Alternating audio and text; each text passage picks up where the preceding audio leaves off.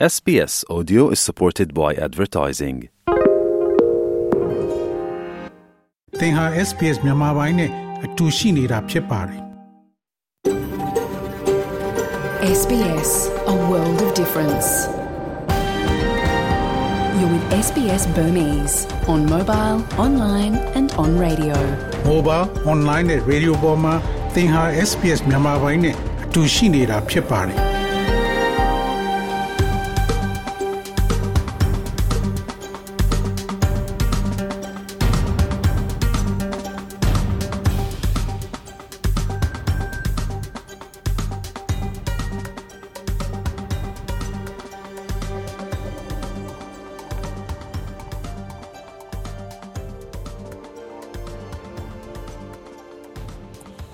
သောရရှိများကိုယနေ့ January လ24ရက်ဗုဒ္ဓဟူးနေ့အတွက် SBS Newsflash သတင်းထူးများကိုတင်ဆက်ပေးမှာဖြစ်ပါတယ်။ကျွန်တော်က Terror အောင်ပါ။ယနေ့အတွက်ထိတ်တန့်သတင်းများ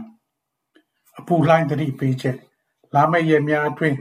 ပြည်내နှင့်တိုင်းအများအပြားအတွက်အပူလှိုင်း heat wave သတိပေးချက်ကိုမိုးလေဝသဌာနကထုတ်ပြန်ထားပါတယ်။ Australia တောင်ပိုင်းနဲ့အလယ်ပိုင်းတို့တွင် ပြင်းထန်သော အပူလှိုင်းအခြေအနေများကို ခန့်မှန်းထားပြီး Canberra သည် ယနေ့မွန်းလွဲပိုင်းတွင်41ဒီဂရီစင်တီဂရိတ်အထိ ရောက်ရှိနိုင်တယ်လို့ ခန့်မှန်းထားပါတယ်။ Australia အနောက်ပိုင်း New South Wales, Queensland နဲ့ Northern Territory တို့အတွက် အပူလှိုင်းသတိပေးချက်ကိုလည်း ထုတ်ပြန်ထားပါတယ်။ South Australia ဝန်ကြီးချုပ် Peter Malinauskas က လူတွေကို သူတို့ရဲ့ အိမ်နီးနားချင်းတွေ ထူးသဖြင့် အပူလွန်ကဲမှုမှာ အန္တရာယ်ပိုဖြစ်နိုင်တဲ့ သက်ကြီးရွယ်အိုတွေကို စစ်ဆေးဖို့ တိုက်တွန်းထားပါတယ်။အိမ်ထောင်စုများအေးအေးခံရန် ကြိုးပမ်းလာတာကြောင့် လျှပ်စစ်ဓာတ်အားလိုအပ်ချက် တိုးလာသဖြင့် Australia စွမ်းအင်ဈေးကွက် operator မှ စွမ်းအင်ကို တတ်နိုင်သမျှ ချွေတာသုံးကြရန် လူများကို တိုက်တွန်းထားပါတယ်။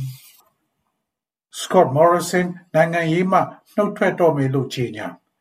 ဝန်ကြီးချုပ်ဟောင်း Scott Morrison သည် February လကုန်တွင် Federal Parliament မှနှုတ်ထွက်မယ်လို့ကြေညာခဲ့ပါတယ်။ Mr. Morrison သည် အင်္ဂါနေ့တွင်နှုတ်ထွက်မယ်လို့လူမှုမီဒီယာတွင်အတည်ပြုခဲ့ပြီး Corporate Sector တွင်အလုပ်တစ်ခုရယူရန်နှင့်မိသားစုနှင့်အတူအချိန်ပိုပေးနိုင်ရန်နိုင်ငံရေးမှထွက်ခွာမည်ဖြစ်ကြောင်းပြောကြားထားပါတယ်။ Facebook မှာတင်ထားတဲ့ post တစ်ခုမှာတော့ Mr. Morrison ကသူ့ရဲ့မိသားစု သူငယ်ချင်းဒေသခံအသိုင်းအဝိုင်းနဲ့ဒေသခံပါတီဝင်တွေကိုသူတို့ရဲ့အားပေးကူညီမှုအတွက်ကျေးဇူးတင်ကြောင်းပြောကြားထားပါတယ်။ Mr. Morrison သည် National ခေါင်းဆောင် David Littleproud နဲ့ Liberal MP Bridget Archer အပါအဝင်လုပ်ဖော်ကိုင်ဘက်များထံမှနှုတ်ထွက်ရန်ဖိအားများပေးခံရပြီးမြန်မာနှစ်အလယ်ပိုင်းကစတင်၍၎င်းရာထူးမှနှုတ်ထွက်ရန်ဖိအားများရရှိခဲ့ပါတယ်။ Royal Commission သည် Mr. Morrison သည် Social Services Minister အဖြစ် တာဝန်ထမ်းဆောင်စဉ်ကာလအတွင်း ကြွေးမီးများတင်ရန် ဥပဒေပြဋ္ဌာန်းရန် လိုအပ်သည် ရှိမရှိနှင့် ပတ်သက်၍အစိုးရအဖွဲ့အတွင်း အလွဲသုံးစားလုပ်ရန် ခွင့်ပြုထားကြောင်းကို တွေ့ရှိခဲ့ပါသည်။အိမ်ချမြေငှားရမ်းခများ ဩစတြေးလျများသည် အိမ်ငှားရမ်းခများ မြင့်တက်လာခြင်းကြောင့် အိုးမဲ့အိမ်မဲ့အဖွဲ့များသည်ဖက်ဒရယ်အစိုးရအားငှားရမ်းသူများကိုဦးစားပေးလှုပ်ဆောင်ပေးရန်တောင်းဆိုနေကြပါသည်။ CoreLogic ဒေတာအသစ်သည်နိုင်ငံတော်ဝန်ရှိအင်အားစရိတ်များသိသိသာသာတိုးလာသည်ကို တွေ့ရှိရပြီးအိမ်ငှားသူများသည်၎င်းတို့ရဲ့ဥကောင်းအထက်တွင် အမိုးထားရန်တစ်နှစ်တွင်ဖြတ်မြတ်ဒေါ်လာ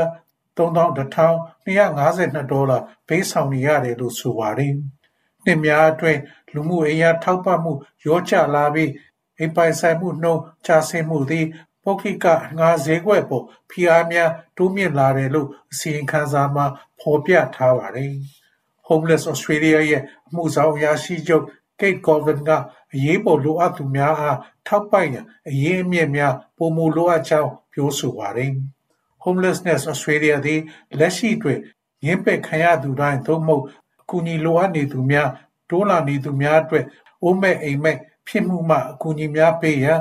ဒေါ်လာသန်း450ကုန်ကျမယ်လို့ခန့်မှန်းထားပါတယ်။ဒါကြောင့်လာမယ့်ဘတ်ဂျက်မှာဖက်ဒရယ်အစိုးရအနေနဲ့အိုးမဲ့အိမ်မဲ့တွေအတွက်ရန်ပုံငွေတိုးမြင့်လာဖို့မျှော်လင့်နေပါတယ်။လောလောဆယ်မှာ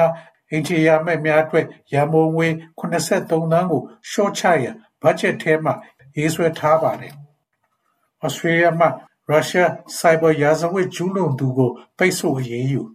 ဩစတြေးလျသည်2022ခုနှစ်အောက်တိုဘာလတွင် Medibank Private ကွန်ရက်ကိုချိုးဖောက်မှုတွင် ပါဝင်ပတ်သက်သူရုရှားနိုင်ငံသားတဦးကစိုက်ဘာပိတ်ဆို့အရေးယူမှုအာဏာကိုပထမဆုံးအချိန်ဖြင့်အသုံးပြုလိုက်ပါတယ်။အနည်းဆုံး Medibank သုံးစွဲသူ9.9သန်းရဲ့အမည်များ၊မွေးသက္ကရာဇ်များနှင့်ဖုန်းနံပါတ်များအပါအဝင်တိုက်ခိုက်မှုပြုလုပ်ပြီး၎ င်းတို့ရဲ့ဒေတာများကို ခိုးယူပြီး Dark Web ပေါ်တွင် လွှင့်တင်ခဲ့ပါသည်။ယခုအခါအစိုးရသည် ရုရှားနိုင်ငံသား Alexei Imokrav အားဒီအခန်းကဏ္ဍမှာပါဝင်တယ်လို့အမည်ဖော်ပြထားပြီး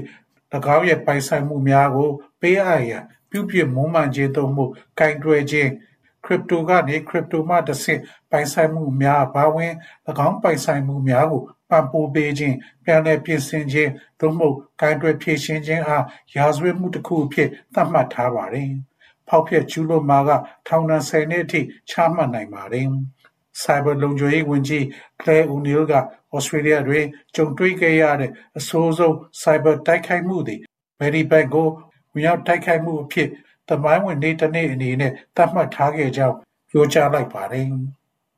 နေ့စဉ်သတင်းတူ News Flash များကိုပိုမိုကြားသိရန် SBS Language Podcast ကိုတွားရောက်နားဆင်ကြည့်ပါသို့မဟုတ်ဝင်ရောက်ကြည့်ရှုပါ